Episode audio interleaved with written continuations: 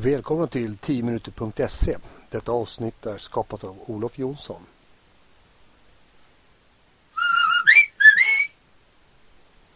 Den välkända signalen ljuder över skolgården. Det betyder att det är rastverksamhet. Det är rast. Jag står mitt i den, där det händer. Jag trivs här och jag är bra på det jag gör. Jag är fritidspedagog och föreläsare och så jobbar jag på fritids på en FT6-skola som heter Tenhultsskolan i Jönköpings kommun. Hur går det där ihop egentligen? Fritidspedagog. Mitt huvuduppdrag det är att jobba på fritids. Varför ska jag då prata om rastverksamhet idag? Jo, det är enkelt för mig. I vårt uppdrag så står det att fritids, skola och förskoleklass ska samverka. Det här, rastverksamhet, är en typ av samverkan. Min samverkan. Under skoldelen av dagen där kan jag med fritidspedagogiken komplettera skolans och förskoleklassens pedagogik under rasten och med leken som metod. Ja, jag vet, det heter fritidshemsverksamhet. Men om jag ska kunna prata om det här på ett ganska avslappnat och framförallt snabbt sätt så säger jag fritids. Ni förstår vad jag menar. Om jag kort tittar tillbaka på min egen skoltidsraster så är det inte mycket som har ändrats. Rasten var då och är idag något av skolans blinda fläck. Tyvärr är det så med blinda fläckar att det hindrar en att se helheten. Hur kommer det sig då att vi började med det här på Tenhultsskolan?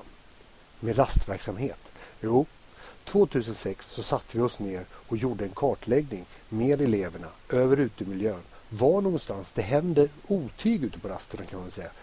Resultatet visar sig att vi behöver göra något med den här tiden, eller åt den här tiden. Jag fick ett uppdrag. Uppdraget löd Gör någonting med rasten. Och från det har vi skapat rastverksamhet. En verksamhet som har utvecklats till det vi har idag. Och det är en verksamhet som jag är väldigt stolt över och många är väldigt nöjda med. Syftet var till början att vi skulle skapa en bättre lek och lärmiljö utomhus. Skapa fler lekrum, alltså fler utrymmen och möjligheter till lek. Samt att vi skulle skapa aktiviteter som stärkte det sociala klimatet på skolan. Med tiden har målen för verksamheten ändrats för att utveckla den. Men detta första syfte vi hade finns fortfarande med som en grund i vår verksamhet. Jag vill påstå att satsningen på rast och rastverksamhet är rätt. Jag tänker på färsk statistik från skolor som idag arbetar med VUS-programmet där det då visade sig att mellan 40 och 60 procent av all mobbing förekommer just på rasten. September 2011 UR kommer på besök med producenten Barbro Ljungström i spetsen. Hon ska göra en programserie om fritids. Den döps till Friare kan ingen vara. En serie på sex delar. Jag kan säga att det är en utmärkt kompetensutveckling för fritids. För er som söker det. Den finns på UR Play och mitt program Det händer på rasten, eller det program som jag var delaktig i, är del 3. Hela serien den berör fritidspedagogiken, pedagogen, verksamheten, forskning med mera, med mera. Och jag, jag var beredd. Jag visste att Barbro skulle fråga mycket om rast och att jag skulle få beskriva hur jag arbetar. Men hennes första fråga blev en viktig fråga för mig. En som jag bär med mig. Den löd Varför har man rast? Det var en fråga som jag där och då inte kunde svara på. För vad säger då våra styrdokument om rast?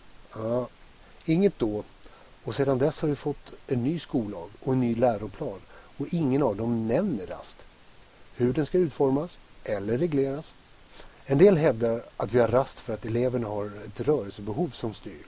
Andra att det är behovet av frisk luft. En del säger att pedagogerna måste få sitt kaffe. Det finns många orsaker till varför vi har rast. Och vi har det. Alla skolor har det. Men varför? Vi måste diskutera varför. Men är verkligen rast skola? Ja, rasten är skola. Det är helt klart en del av skoldagen. Men är det lektion? Nej, inte lektion. Det är det inte, för det är inte, det är inte klassrumsundervisning. Och för att eh, här styr, så vitt jag vet, inte skolplikt. Men, men om jag frågar så här då. Är det ett lärande? Ja, ett lärande är det. Det är bara ett annat rum för lärande. Ett utvidgat läranderum. Där har vi rasten och rastverksamheten med målstyrda processer även här. Här kommer också vår läroplan in. Tyvärr ser vi under de senare åren en tydligare vridning av skolan till att mer och mer gälla enbart kapitel 3 i läroplanen. Här, på rasten, har vi plats för kapitel 1 och 2, tydligt.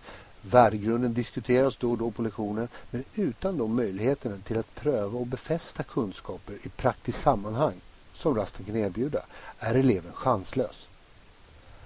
Ansvar och inflytande är ett annat av områdena skolan måste utveckla.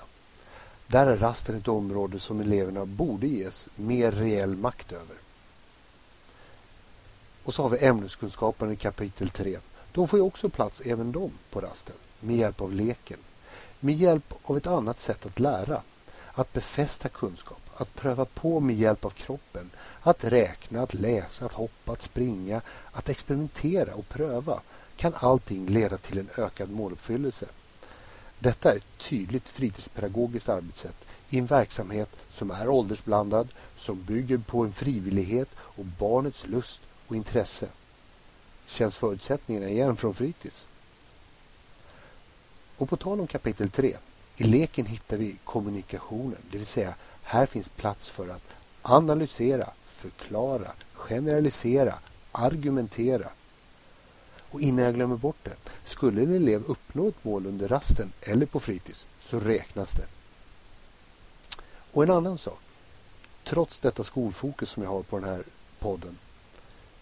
Vi får aldrig glömma eller tappa bort lekens egenvärde.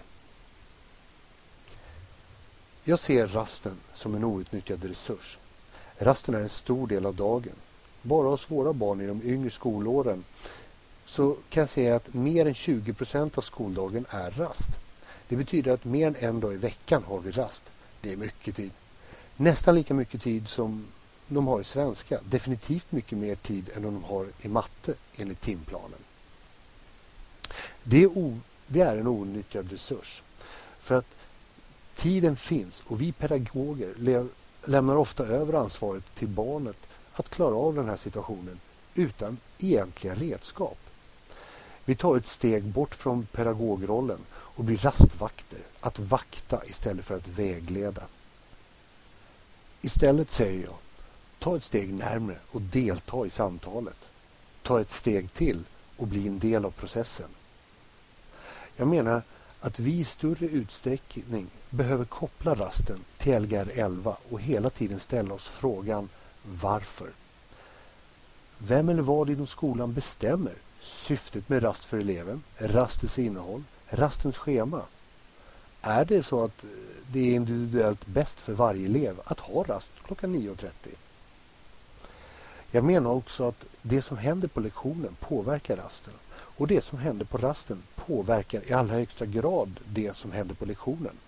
Låt oss då göra det gott. Börja med att flippa rasten, vilket betyder en medveten förändring av rastens innehåll som sätter eleven, gruppen, sammanhang och lek i centrum. Den satsningen det skulle innebära är indirekt även en satsning på fritids, ett fritidslyft, i och med att vi renodlar pedagogiken under skoltid samt att användandet av lekmiljöer, lekar och annan kunskap följer med barnet till fritids efter skoldagen.